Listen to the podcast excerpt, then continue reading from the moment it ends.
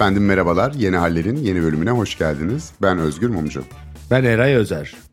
Bu bölümde iptal kültürünü İngilizce meşhur olan ismiyle cancel culture konuşacağız.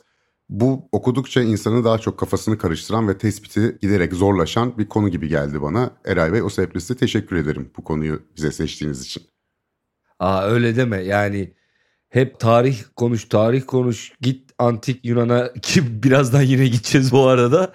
O da çok komik. E, biraz da dedim ki şöyle geleceğe yönelik ileriye doğru tartışmaların cereyan ettiği kavramlardan bahsedelim dedim Özgür Bey. Çok iyi yapmışsınız. Hakikaten geleceğe dönük olarak ilginç bir kavram. Şimdi efendim bu cancel culture nedir? Biraz ondan bahsedelim tabii iptal kültürü. Önce bir tanımlamamız gerekiyor herhalde. Zorluk da biraz buradan başlıyor. Ben bunu biraz şuna benzettim Eray. Hakikat sonrası hakkında da bir bölüm yapmıştık post-truth hakkında. Ve o bölümü yaparken şunu fark etmiştik. Yani söyleniyordu da bu. Ya bunu bizim bildiğimiz yalandan ne farkı var?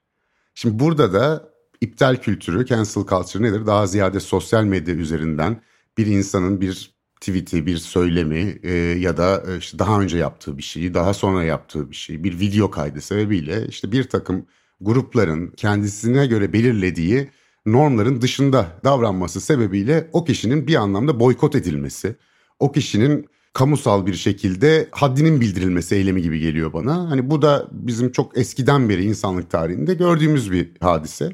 Ama yine post-truth'taki gibi burada e, mecralar ve bağlam da önemli gibi. O sebeple yeni bir ifade bulmuş kendine gibi geldi bana. İptal kültürü, cancel culture şeklinde.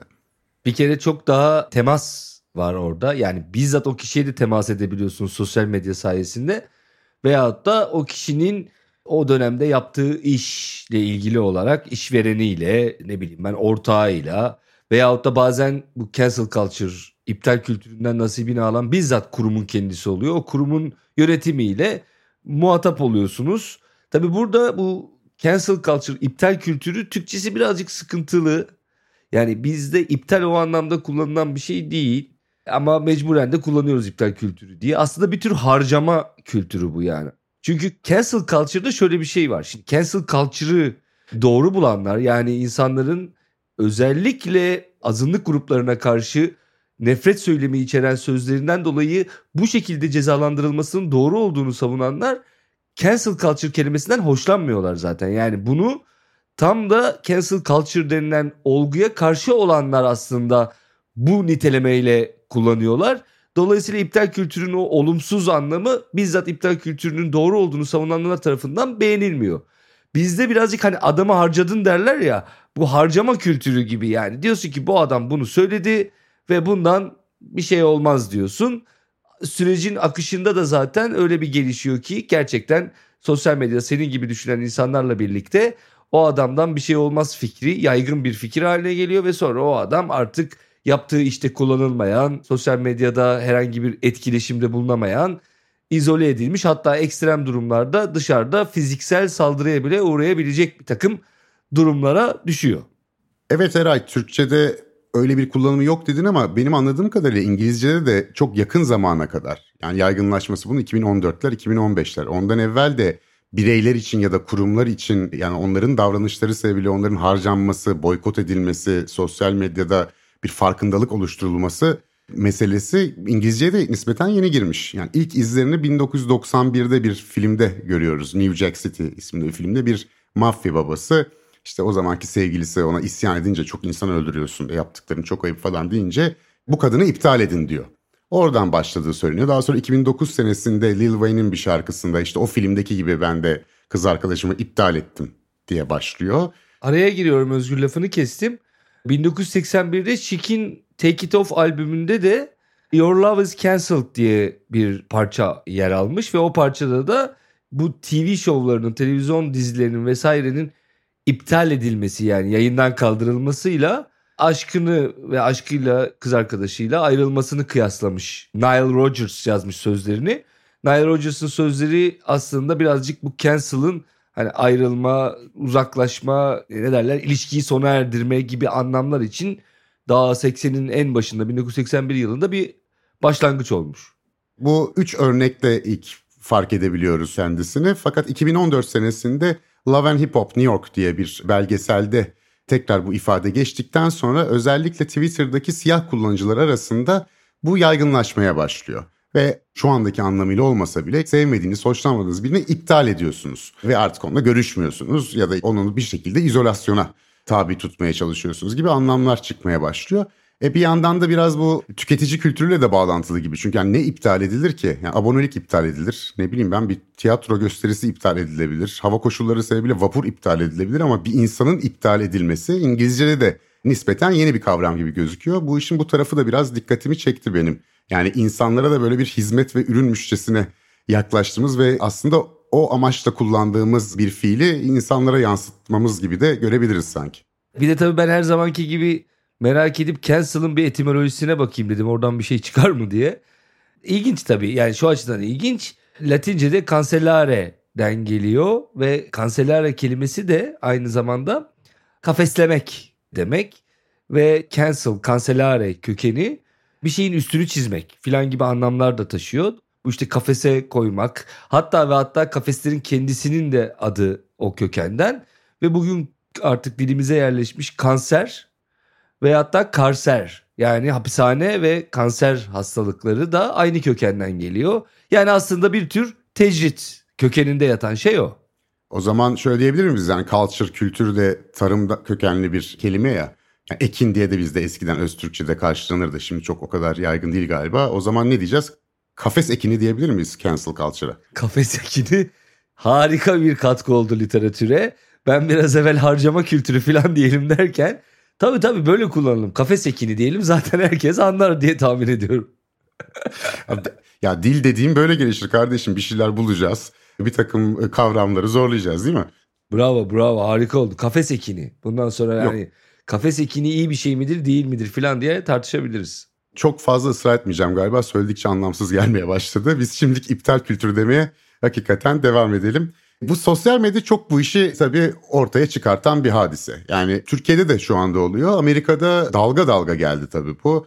Nedir işte bir yazar da olabilir bu, tanınmış bir oyuncu da olabilir. Kimsenin bilmediği sadece 100 takipçisi olan bir hesaptaki birçok insanın hassasiyetine dokunan bir tweetin birdenbire işte elden ele yayılıp patlamasıyla o insanın hayatında da etkiler doğurabilir. Ya da dediğin gibi bir kurum da bir tavrı ya da bir reklamda kullandığı ifade sebebiyle buna maruz kalabiliyor. E ne oluyor buna maruz kaldığı zaman? Bizim sosyal medyada linç diye daha çok ifade edilen bir e, durumla karşılaşıyorlar. Twitter'da, Instagram'da, Facebook'ta artık hangi sosyal mecrada bu iş patladıysa e, orada çok görünür hale geliyor. Yorumlar yapılmaya başlıyor. İnsanlar tenkit ediliyor, eleştiriliyor. İşte kimisi özür diliyor. Kimisi işte ısrar ediyor yaptığının doğru olduğu konusunda. Kimisi offline'da da bir takım e, yaptırımlarla karşılaşıyor. İşinden atılmak zorunda kalabiliyor. Bilinen biri ise oyuncuysa filmlerde kendine yer bulamıyor.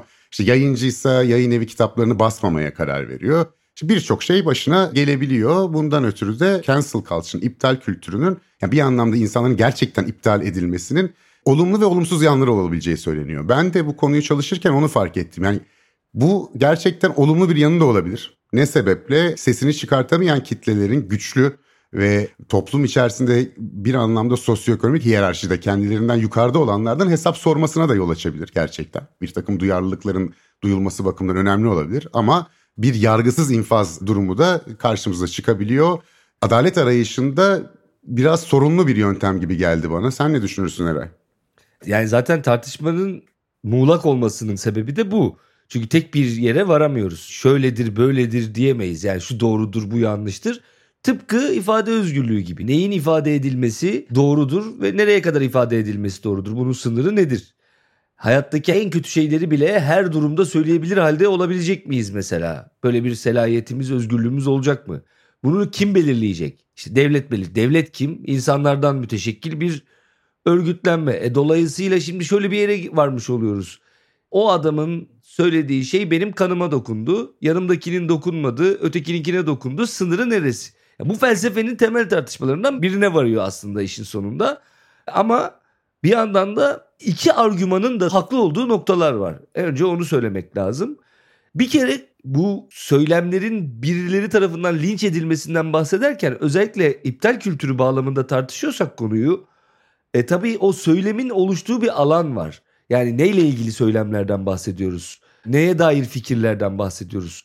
şimdiye kadar görmezden gelinmiş veya yeteri kadar önem atfedilmemiş azınlık kültürlerinin haklarının savunulması noktasında çıkıyor ortaya. Yani bu böyle yıllardır tartışılan iki konu diyelim ki işte sağ ve sol siyasi bir takım ayrışmalar, komünizm, faşizm neyse yani uçlarda yıllardır üzerinde argüman, tartışma, çeşitli fikirlerin geliştirildiği alanlar değil bunlar.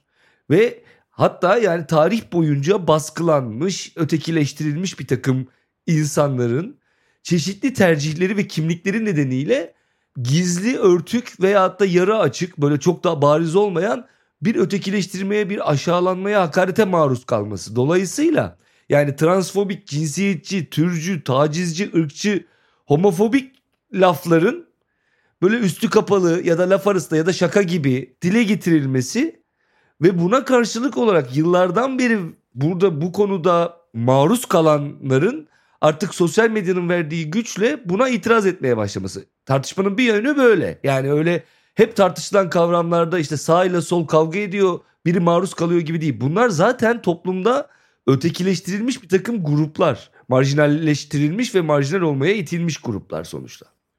Tam buradan hareketle sosyal medya öncesindeki dönemde Latin Amerika'da bunun benzerlerini görüyoruz. Şu şekilde Latin Amerika'da 1970'li yıllar önemli sayıda ülkede askeri diktatörlüklerle geçti. Doğal olarak askeri diktatörlükler de yanında işkenceyle geliyor.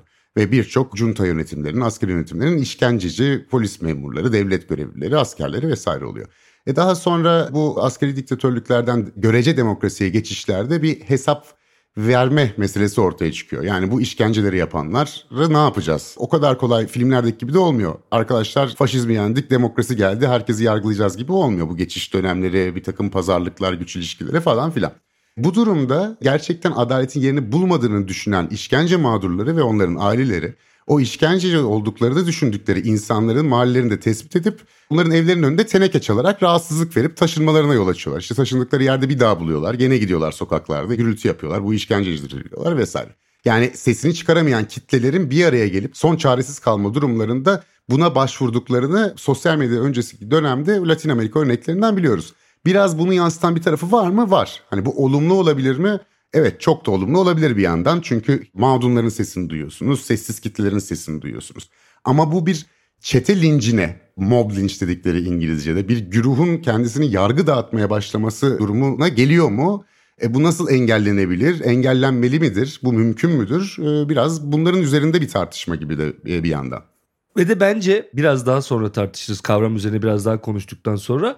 En önemli soru orada gerçekten işe yarıyor mu? Amacına hizmet ediyor mu? Amacı ne? Bu kötü söylemin ortadan kalkması. Yoksa sizin iptal ettiğiniz, hayatınızdan çıkardığınız dolayısıyla aslında ne derler tecrit ettiğiniz kişinin içine kapanıp kendisi gibi bu tür tırnak içinde sakıncalı düşünceleri olan insanlarla birbirine sokulup yer altına çekilmesini mi sağlıyor? Esas tartışmanın cereyan ettiği yer orası. Bence de en kritik yer orası. Yani siz birisini hayattan, işinden, gücünden edecek kadar tecrit ettiğinizde o kişiyi ıslah etmiş oluyor musunuz? Amaç bireyin cezalandırılması mı yoksa ıslah edilmesi mi? Yani düzelsin ve bir daha da yapmasın mı?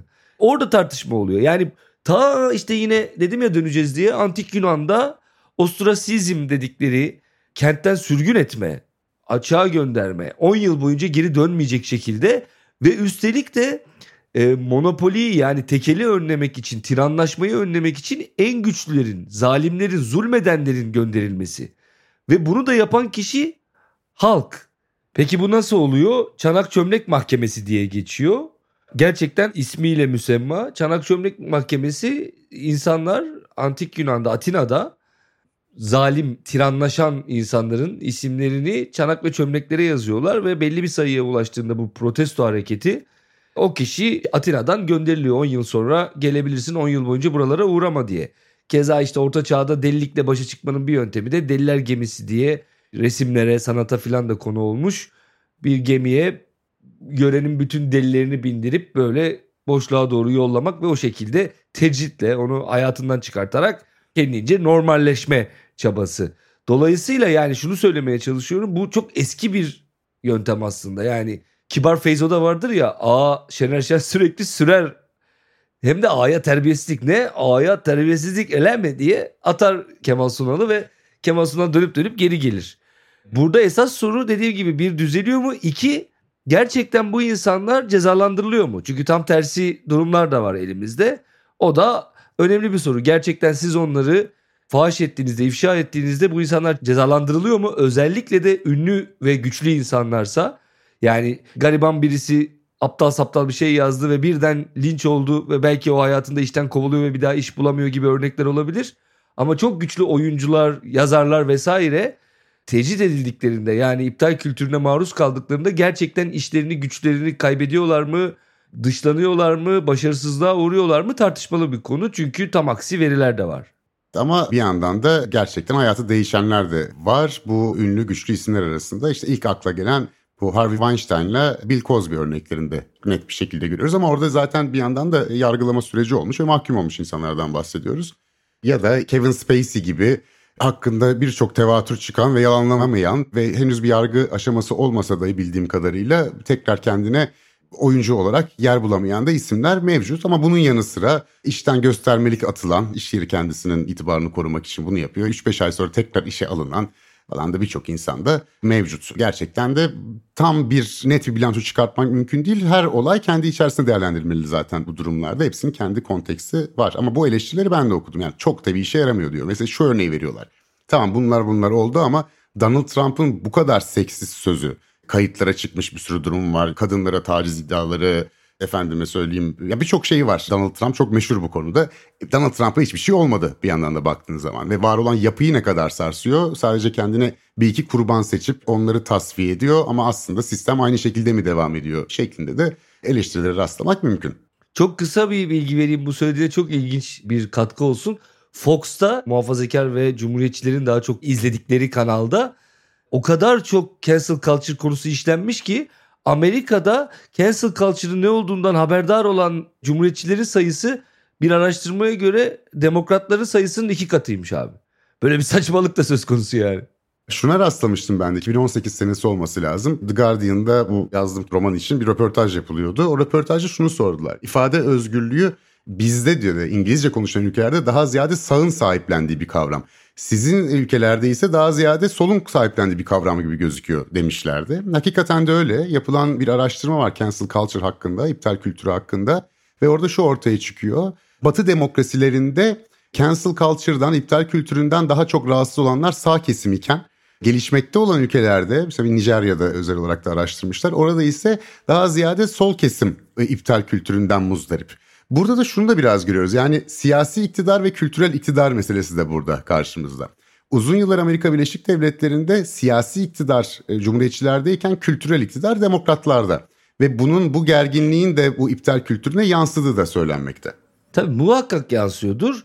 Biraz evvel verdiğimiz örneğe şöyle bir ekleme yapayım. Değişik tersten örnekler de var. Örneğin Harry Potter'ın yazıları J.K. Rowling transfobik olduğu öne sürülen bir takım açıklamalar yaptı. Kendince bir kadın savunusuna girişti ve bunun arkasından iptal kültürü yani iptal edildi kendisi. Sosyal medyada kendisine yönelik çok e, sert eleştiriler oldu. Ama daha sonra İngiltere satışları, kitap satışları tavan yaptı. Millet Harry Potter okumaya koştu gibi bir takım örnekler var. Mesela stand-upçı Louis C.K. var.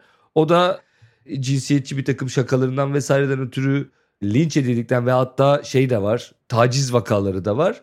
Hemen sonra 10 aylık bir ara veriyor bırakıyor yani mesleği ama 10 ay sonra döndüğünde bu sefer yok satıyor bütün gösterileri ve bilet bulunamıyor. Millet bu adamın gösterisini izlemek istiyor çünkü niye orada böyle bir ayıp bir şey var yani yasak bir şey var.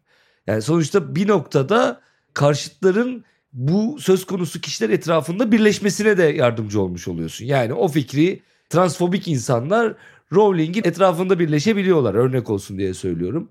Veyahut da işte bu tür şakaların yapılmasını doğru bulanlar bir stand-upçının etrafında birleşebiliyorlar. Yani ne kadar çözüme yönelik bu ayrı bir tartışma konusu. Şunu da belki akılda tutmak lazım bu değerlendirmeleri yaparken. Şimdi J.K. Rowling'in mevzu bahis tweetleri ne kadar transfobikti? Yani toplumun önemli bir kısmı tarafından transfobikte kabul edilmemiş olma ihtimali çok yüksek. Ben de öyle çok aşırı bir transfobizm görmemiştim mesela okuduklarımda. Yani onun popülerliğini yitirmemesinin sebeplerinden biri bu olabilir.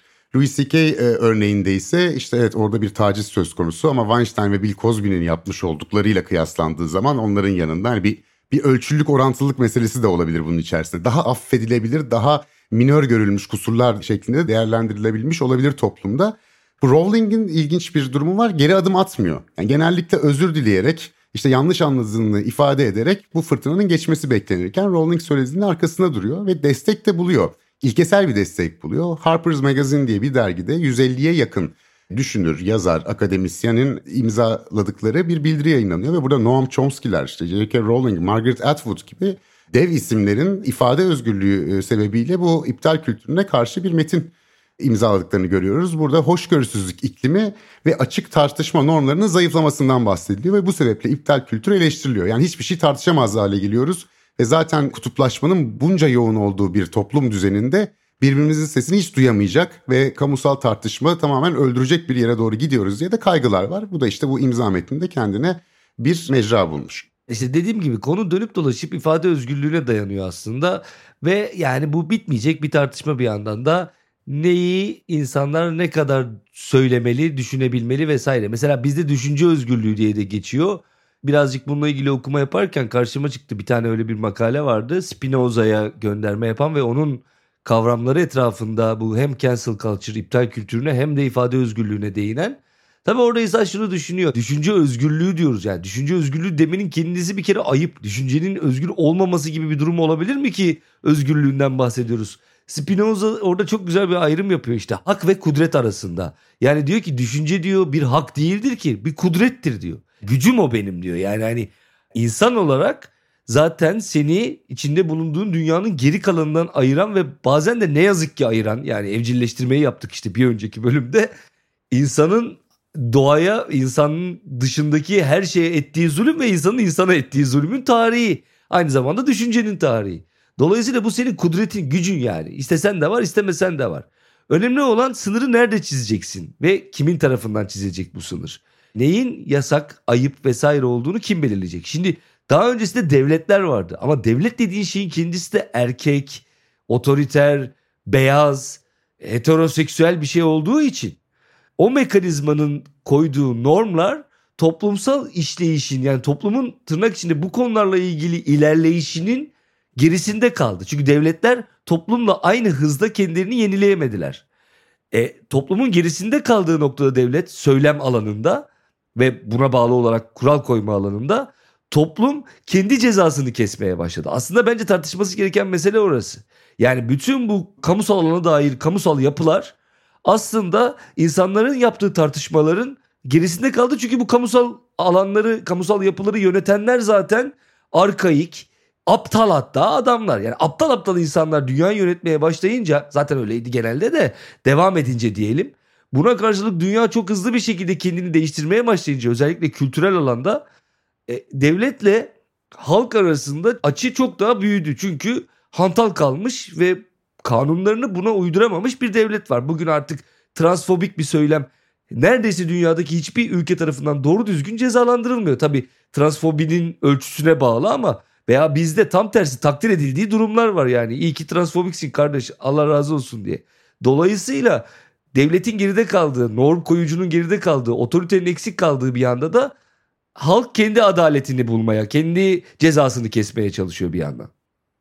E tabi burada da daha evvelden sesi çıkmayan ve hiçbir şekilde kendisini bir aktör olarak toplumsal işleyişin içerisinde göremeyen kesimlerin sosyal medya üzerinden örgütlenmesi hadisesinden daha önce de bahsetmiştik. Burada biraz o var. Ama öte yandan sadece devletle halk arasında bir ikilikte yok. Halkın içerisinde de çeşitli kesimler arasındaki kutuplaşma da burada çok ön planda. Karşılıklı birbirlerini iptal etmeye de başlayabiliyorlar bu arada. Yani Cumhuriyetçiler Amerika Birleşik Devletleri'nde bu iptal kültürüne karşı en çok sesi çıkan kesim olmakla beraber kendileri de bir takım e, siyasi tutumları sebebiyle mesela yani Amerikan Beyzbol Ligi'nin bir takım vergi imtiyazlarını kaldırmak. Efendim ne bileyim Delta Hava Yolları yine kendilerini rahatsız edecek bir şey söyledi diye ona da vergiyle bir takım üzerine tedbirler almak gibi söylemlere girdiklerini görüyoruz. Henüz fiiliyata dökülmemiş de olsa. Yani karşılıklı da bu iptal savaşları da bir yandan da devam ediyor. Şunu da söylemek lazım. Yani bu insan hakları dediğimiz hadisenin içerisinde ifade özgürlüğü de, fikir özgürlüğü de. Baktığınızda Birleşmiş Milletler'in insan hakları evrensel bildirgesine bakalım. 1940'ların sonunda çıkmış bir bildirge. Ya da işte Avrupa İnsan Hakları Sözleşmesi. Hakeza o da geç bir zamanın bir metni. E oradaki metinde yer alan hak kategorilerine ilişkin yorumumuz zaman içerisinde değişti. Metin aynı metin. Avrupa İnsan Hakları Sözleşmesi'nde de öyle ama 1960'lı 70'li yıllarda İnsan Hakları Mahkemesi'nin mesela işkence hakkında ya da kötü muamele hakkında yaptıkları yorumla 90'larda 2000'lerde ve daha sonrasında yaptığı yorumlar aynı değil. Yani 1970'lerde sizin kötü muamele olarak gördüğünüz bir şey, değerlendirilen bir şey. Aynı madde aynı şekilde duruyor.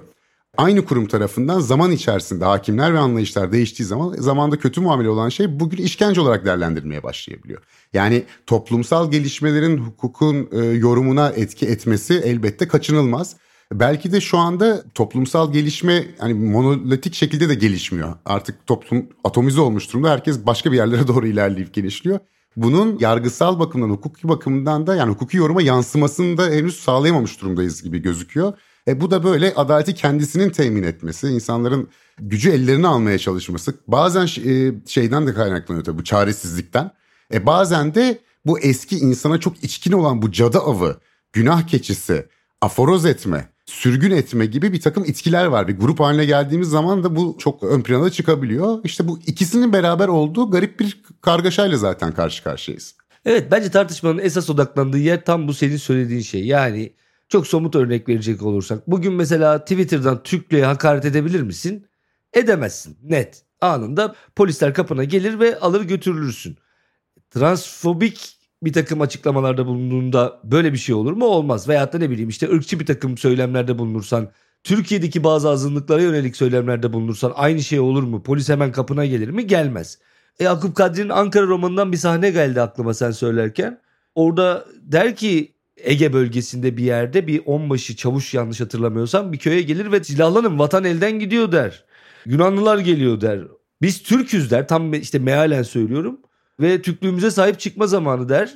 Köylü der ki sen ya karıştırdın bey der. Türkler Haymana'da yörüktür der. Sen oralara gidip bakacağım. Burada Türk yok der köylü. Dolayısıyla o zaman böyle bir bilinçten söz edilemez. Herhalde o dönemde Türklüğe hakaret suç kapsamında değildi veya biraz öncesinde Osmanlı'nın son dönemlerinde. Dolayısıyla bu gelişim ve değişim gösteriyor yani. Hayat ilerliyor.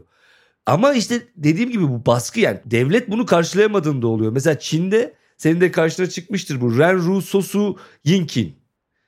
Human Flesh Search yani insan eti avı araması diyelim buna.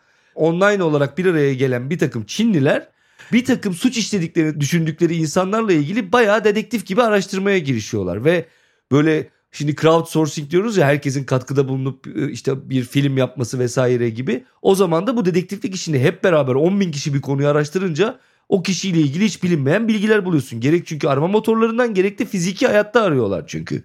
Ve bir araya gelip kendince ifşa ediyorlar. Bunun ortaya çıkışı ne? Devletteki yolsuzlukların esas ortaya çıkması için var ola gelmiş ortaya çıkmış bir sistem bu. E çünkü niye devlet kendisiyle ilgili kendi yolsuzluğunu araştırmazsa bak ne kadar uydu bizim gündeme girmeden cancel culture konuşuluyor diyormuş. Devlet kendisi yapamazsa mafya yapıyor olabilir mesela anlatabiliyor muyum yani? Mafya devletin yolsuzluğunu açığa çıkartıyorsa o zaman devletin kendisine dönüp bakması gerekiyor. Hikaye aslında iktidar sahiplerinin kendilerine çeki düzen vermemesi yine yani. Tabii işin o kısmı var fakat bir yandan da bu araştırmayı yaparken kaç masumun hakkına girildiği, efendim kaç insanın yanlışlıkla hedef gösterildiği falan da dikkate alınmalı. Bir de senin bu söylediğin işte Çin'de bu hadise başladığı zaman o vakit 2010'lar olması lazım. 2008'ler, 9'lar, 10'lar sırasında bu başlıyor. Amerikan basınında şu şekilde değerlendirmeler var. Ya böyle şeyler Çin gibi kolektivist kültürlerde olabilir bizimki gibi bireyin önde olduğu batı toplumlarında asla olmaz diyorlar. Aradan 5-6 sene geçiyor ve iptal kültürü patlıyor. E, burada da işte bu özcü yaklaşımların batıda da çok görüyoruz özellikle e, çok fazla bilmedikleri toplumlar hakkında ne kadar toptancı ve yanlış olduğunu da görüyoruz. Yani bu ancak Çin'de olur ya onlar kolektivisttir bizde birey güçlüdür bizde hiç kimse öyle kimsenin peşine avına düşmez dedikten 5-6 sene sonra başlığına geliyor Amerikalıların da aynı şeye de benziyor bu. Çin'de ekonomik büyüme oldukça orta sınıf güçlenecek, demokrasi talebinde bulunacaklar. Yavaş yavaş Çin demokratikleşecek düsturunu böyle devlet politikası olarak falan 10-15 sene götüren bir ABD'den de bahsediyoruz. Yani bu Amerikalıların genel olarak dünya hakkındaki tespitlerinin doğru çıkacağı şeklindeki bir kanıya da inanmamak gerektiğini gösteren güzel bir örnek bu. Maşallah dediği 15 gün yaşıyor gibi bir durum yani. Gerçi bu aralar ABD'ye vurmak çok kolay yani. Sürekli üst üste her konuda lime lime dökülen futbol takımı vardır ya böyle eski günlerini arayan falan biraz ona benzemiş durumda hakikaten. Şimdi tabii senin söylediğin kısım da çok önemli ama. Ben şimdi burada cancel culture, iptal kültürünü böyle devletin eksikliği vesaire derken yani bundan bahsederken bir yandan da öteki kısmı tamamıyla ve tamamıyla haksız bulma noktasında değilim. Çünkü gerçekten de şöyle bir soru var. Yaratıcılık dediğin şey en marjinal, kimsenin aklına gelmeyen bir takım fikirlerin dillendirilmesiyle ortaya çıkar. Şimdi bakıyoruz tabii ki transfobik, ırkçı, türcü vesaire söylemler yaratıcılıkla ilgisi olan söylemler değil. Mesele şurada. Sen bir şeyi cezalandırmaya başladığında o cezalandırdığın şeyin ne olduğu sapma gösterebilir mi? Gösteriyor mu? Yani artık Varayo'a mı saldırmaya başladın? Normal insani halleri kendince bir şekilde yorumlayıp transfobiye veyahut da neyse ırkçılığa, türcülüğe mi çevirdin? Yoksa gerçekten o noktada mıyız? Mesela Biden'ın e, yemin töreninde Amanda Gorman diye siyahi Afro-Amerikalı bir şair The Hill Will Climb diye bir şiir okuyor. Şiiri çevirtiyorlar daha sonra farklı dillerde, farklı ülkelerde. Yayın evleri bunları kitap olarak Amanda Gorman tabii orada çıktıktan sonra ünlü oluyor ve kitapları çevriliyor başka dillere. Mesela Hollanda'da Lucas Reineveld diye beyaz bir çevirmen Gorman'ın kitabını çevirirken birisi tarafından ifşa ediliyor. Diyor ki bu adam beyaz. Bu diyor nereden çevirecek ya siyah bir kadının şiirini nasıl çevirebilir? Böyle bir yetisi var mıdır? Adam çok iyi bir çevirmen, ödüllü bir çevirmen. Ve adam yani bir çeviri iş olarak yayın evinden gelen bir çeviriyi yaptığı için öyle bir linç yiyor ki zaten çeviriyi falan bırakıyor adam. Kaçıyor zaten ama oraları geçtik. Artık böyle o kadar mağdur oluyor ki neredeyse çevirmenlik hayatının sonuna gelecek. Şimdi bu da şunu getiriyor beraberinde. Bunun sınırı neresi? Çünkü bir süre sonra gücün sende olduğunu fark ediyorsun internette. Twitter önünde ve sen ne yazarsan hele de az çok birazcık da bir makuliyeti olursa arkana yüz binler takılıyor ve ondan sonra da büyük bir sesle birisini bitirebiliyorsun. Bunun da böyle bir zafer sarhoşluğu gibi insana böyle uyuşturucu gibi bağımlılık yapan bir yanı var. Yani bayılıyorsun bu duruma yani. Yazdık bitirdik onu falan diye. E bu sınırsız bir özgürlüğe tekabül ediyor ve kontrolsüz. Nick Cave de o yüzden şey demiş ya işte yani bu iptal kültürü için. Kötü bir din bir çeşit cinnet hali demiş. Yani zaman zaman buralara varıyor. Yani tabii cadı avları, engizisyonlar, aforoz etmeler bir takım radikal İslam örgütlerde görüyoruz ya. Onlarda da benzer böyle dışarı atmalar, efendim gerekirse hatta ölümüne karar vermeler, gruptan çıktın sen falan diye. Bunların hepsi var yani insanda olan bir durum bu. Bu sebeple zaten yargı diye bir şey kurmaya çalışıyoruz. Hukuk devleti diye adil yargılanma olmadan hiçbir hakkınız bir işe yaramıyor zaten. Hani Türkiye'de de bol bol bunları yaşıyoruz. Şimdi tabii bize bu programı dinleyenler şunu da diyebilir. Ülkede hukuk devleti insan hakları bu haldeyken siz Amerika'nın iptal kültürünü mü konuşuyorsunuz? Hayır. Bir kere bu iptal kültürü dediğimiz hadise hepimizde, bütün toplumlarda olan bir şey. Yani orada daha net bir şekilde belirdi. Bizde de örnekleri çok var ve yani biz onu düzeltemezsek zaten yargıyı da düzeltemeyiz. Yani bütün bunlar birbirleriyle bağlantılı hadiseler. Bunların hepsi evet var gerçekten. Bir yandan da şu var toplumlarda ahlaki panik ve korku olduğu dönemlerde bu geçiş dönemlerinde de bu çok olmaya başlıyor. Biraz darmadağınıklık, otoriteye güvenmeme, hep bir şüphe içerisinde olma, hayatın kontrolünü elinden yitirme gibi hadiseler işte bu hem iptal kültürü gibi hadiseleri hem de komplo teorilerine yatkınlığı da arttırıyor. Ve bütün bunlarda bu sosyal medyanın, bu yeni mecranın bunların hepsini körüklediği de çok açık. Yani e, yeni bir hem eski bir durumla hem de e, yeni bir durumla karşı karşıyayız. Evet. Dolayısıyla bunlar zaten birbiriyle olduğu gibi bağlantılı kavramlar. Yani demokrasi, ifade özgürlüğü, bu iptal kültürü evet bizim için lüks bir tartışma gibi duruyor filan denebilir ama öyle değil. Zaten bizim de bu iptal kültürü mağdurlarımız var. Tam tersi haddini bilmek zorunda kalan aydınlarımız, sanatçılarımız vesaire oluyor. Kendini çok böyle o erkek egemen ya da neyse işte yani transfobik dünyalarında rahat hisseden şimdiye kadar ama bundan sonra birkaç kere sosyal medyada o linçi hissettikten sonra artık iki kere düşünüp yazmak zorunda olan insanlar var. Bu tür tartışmalarda mağdurlar olduğu kesin bir kere. Fakat mağdurlar olması bu tartışmanın komple iptal edilmesi yani komple bu tartışmanın dışı iptal kültürünün kendisinin iptal edilmesi anlamına geliyor mu? Burası birazcık netameli kısım. Yani çünkü öyle olmuyor. Zaten tartışa tartışa bir yere varıyorsun ve ne yazık ki bu tartışmalar yaşanırken de bir takım mağdurlar ortaya çıkıyor. Ama yine ilginç olan yanı da şu. Tabii biz bu tartışmaları Twitter'da yapıyoruz mesela. Biz bu tartışmaları yaparken Twitter bu tür tartışmaların olduğu gönderileri daha fazla öne çıkartıyor. Çünkü daha çok okunuyor ve tutuluyor. Dolayısıyla biz Twitter'ın birer müşterisi olarak bu tartışmaları devam ettikçe Twitter bu tartışmaları sayesinde daha fazla reklam alıyor ve daha fazla para kazanıyor. Yani bunu e, yani yumurta tavuk ikilisi gibi yani veyahut da yine benzer bir kapitalist perspektiften tartışma şu eksende de dönüyor. Yani siz şimdi bir şirketle ilgili mesela X firmasıyla ilgili atıyorsunuz tutuyorsunuz şöyle yaptı böyle yaptı işte linç olsun filan. Onlar çıkıyorlar iki tane böyle açıklama yapıyorlar. Ay çok üzgünüz Allah bin belamızı versin filan diye. Sonra o işi yapan kişiyi de işten attık bak falan diyorlar. Bir tane bir mağdur da yaratılıyor. Bak bu terbiyesiz yaptı filan diye. Ama tam böyle bir makalede şöyle bir ifadeyle geçiyordu. Ne hikmetse hiç yönetim kurulları bununla ilgili olarak hesap vermiyorlar bu şirketlerin. Hiç istifa eden CEO gibi şeyler bizzat CEO'nun kendisi değilse ki CEO bile istifa etse fark etmez aslında bir yandan da. Veyahut da hiçbir yapısal değişim, kurum kültürü değişimi falan görmüyoruz bir yandan da. Keza dediğim gibi yani devlet bu işin içerisindeyken hiç nefret söylemine karşı bir çalışma görmüyoruz ki işte bu insanlar sosyal medyada ifşa edilmesinler ve mağdur olmasınlar. Aynı şekilde dediğim gibi bu kapitalist yapılar bizzat bizim cancel culture, iptal kültürünün kendisinden doğan tartışmadan para kazanmaya devam ediyorlar. Yani aslında ne kadarı çözüme yönelik ve ne kadar işe yarıyor bu da ayrı bir tartışma konusu. Yani zaten bu konuda tartışma konusu olmayan herhangi bir şey de yok. Bir kısımda şunu söylüyor. Kimlik politikalarının ön planda olduğu bu dönemde insanları bir takım kimliklere hapsettiğinden de yakın anlar var. Yani bu iptal kültürünün yaratmış olduğu bu tartışmasızlık ortamı ya da ne diyelim işte tırnak içerisinde linç ortamının insanları var olan ya da işte o sırada üzerlerine giymiş oldukları kimlikleri hapsediyor. Başka bir yere çıkamıyorsunuz. Yani sadece sizi tanımlayan bu kimlikler olmaya başlıyor. E insan da bir ya da iki kimlikten ibaret bir varlıkta değil bir yandan da. Yani birçok farklı kimliği, birçok farklı şapkayı da taşıyabilen bir varlık ve böyle bir ikna olabilmesi, değişebilmesi de mümkün olan bir varlık. Bugün gidip de bir insanın 25 sene, 30 sene önce yazmış olduğu ya da söylemiş olduğu bir şeyden ötürü o insanın bütün sosyal hayatını bitirmek, iptal kültürüne maruz bırakmak da ne derece akla yatkın? Tabii yine kontekstine bakmak lazım. Ne yazmış, ne etmiş, bunu devam ettirmiş mi falan. Ama insanlara bir kendini değiştirme şansı da vermek gerekiyor. Bir başka benim dikkatimi çeken de şu bir sanatçının eserini kişiliğinden ayırt edebilecek miyiz? Hani buna uzun uzun girmeyelim ama iptal kültürün içerisinde bu da var. Bir film var çok beğeniyorsunuz Woody Allen'ın filmleri diyelim ama Woody Allen da bu iptal kültüründen nasiplenmiş birisi. Büyük oranda da haklı olarak da olabilir işte bu e, taciz vesaire meseleleri sevgili. Şimdi bir Woody Allen filmini izleyebilecek misiniz? Bu kişiden kişiye değişen bir durum da olabilir, olmaya da bilir. Bu da netameli bir konu. Biraz daha fazla ileri getirelim hatta. Amerika Birleşik Devletleri'nde kısmen İngiltere'de de yaşadık bazı siyasi figürlerin heykellerini yıkmalı mıyız, yıkmamalı mıyız? Yani Amerikan İç Savaşı'nda Güney Ordusu'nda Güneyli bir kısmın halkın e, kahraman olarak kabul ettiği insanların heykelleri yıkılmalı mı?